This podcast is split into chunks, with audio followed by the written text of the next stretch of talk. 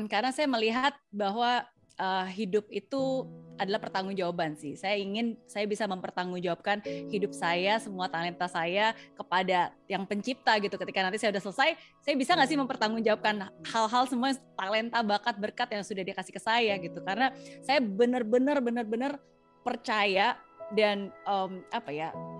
Ya sukses itu kan bukan seberapa banyak yang kamu punya ya, tapi apa yang kamu lakukan dengan apa yang kamu punya itu yang penting gitu. Setiap orang pasti dikasih modal yang berbeda-beda, ya kan? Ada yang mungkin modalnya satu, tapi kalau dia cuma modal satu, tapi dia bisa melipat gandakan jadi 10, menurut saya itu jauh lebih hebat daripada orang yang hasilnya 20 tapi modal awalnya 15 karena yang satu dia berhasil mengembangkan dan dan apa mengelola talentanya gitu. Jadi ya Tuhan kasih kita modal yang berbeda-beda Tuhan kasih kita tempat yang berbeda-beda talenta yang berbeda-beda starting point yang mungkin beda-beda gitu. Tapi ya apa yang kita lakukan dengan dengan talenta itu kan uh, itulah yang membuat saya selalu mengingat bahwa wow saya nggak pernah membayangkan bahwa saya bisa menjadi seperti saya sekarang ini. Ini bukan hanya kekuatan saya, tapi ini anugerah, kebesaran, talenta, dan salah satu cara saya untuk bisa berterima kasih kepada dia, ya bukan dengan berhenti. Kalau karena dengan berhenti berarti saya take it for granted ya. Itu egois banget gitu.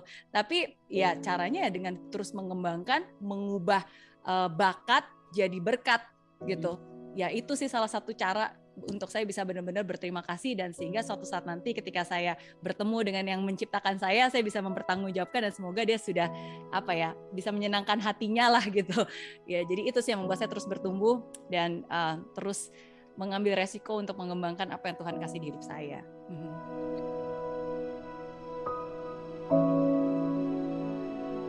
Mungkin saya jawab dari pengalaman pribadi saya ya karena ketika pertama kali saya terjun pengen jadi entrepreneur itu um, papa mama nggak setuju orang tua nggak setuju. Karena saya saya tahu mereka pasti punya kekhawatiran sendiri gitu ini bener nggak bisa nggak ntar kalau rugi gimana gitu kan punya hutang dan seterusnya. Dan saya hargai kekhawatiran itu karena sometimes ketika uh, uh, apa namanya keluarga kita orang terdekat kita nggak setuju itu pasti bukan tanpa alasan ya. Mungkin karena ada sesuatu yang mungkin mereka khawatirkan dan kita perlu untuk bisa uh, melihat diri kita dari sudut pandangnya dia gitu dan benar-benar balik penolakan itu sebenarnya apa sih kekhawatiran yang sesungguhnya gitu to really find the real meaning tuh. Nah, of course dibutuhkan uh, komunikasi uh, tapi um, tapi saya tahu nih sometimes kadang-kadang gimana kalau kita sudah mencoba cari cara yang tepat, waktu yang tepat untuk bisa menyampaikan apa yang sungguh-sungguh kamu mau. Dan saya selalu bilang seperti ini nih. Jadi anggap aja ya um, don't take it for granted gitu. Jadi anggap aja mereka itu kayak investornya kamu.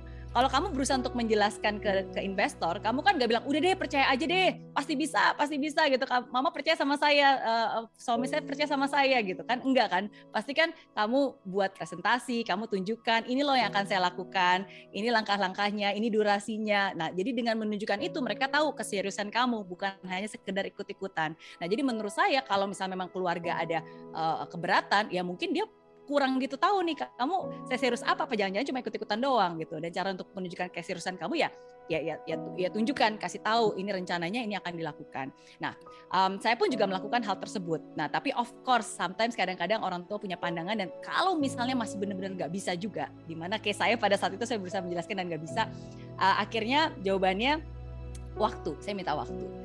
Jadi saya bilang pama kasih saya waktu uh, tiga bulan Oke, okay, nah uh, dalam waktu tiga bulan ini kalau benar-benar saya nggak berhasil, ya ya udah deh terserah papa mama mau ya, suruh saya ya. ngapain gitu ya, ya oke. Okay. Tapi kalau dalam waktu tiga bulan ini saya sungguh-sungguh bisa menunjukkan nih ada hasilnya, ada pertumbuhannya, ini serius loh gitu kan. Uh, ya saya harap ya saya minta doa dan restu dari papa dan mama, khususnya mama ya. Nah jadi di situlah tiga bulan itu saya benar-benar benar-benar membuktikan ya bukan hanya pembuktian untuk mereka sebenarnya itu pembuktian buat diri saya juga gitu kan jadi ya di situlah sometimes kadang-kadang uh, waktulah yang akan membuktikan uh, waktulah juga akan menunjukkan ke mereka kesungguhan dan keseriusan kita ya dan hanya dengan seperti itulah mungkin ya mereka bisa melihat dan ya kalau itu sesuatu yang benar-benar kamu ingini dan kamu yakini mereka juga akan bisa melihat kesungguhan itu. Mm.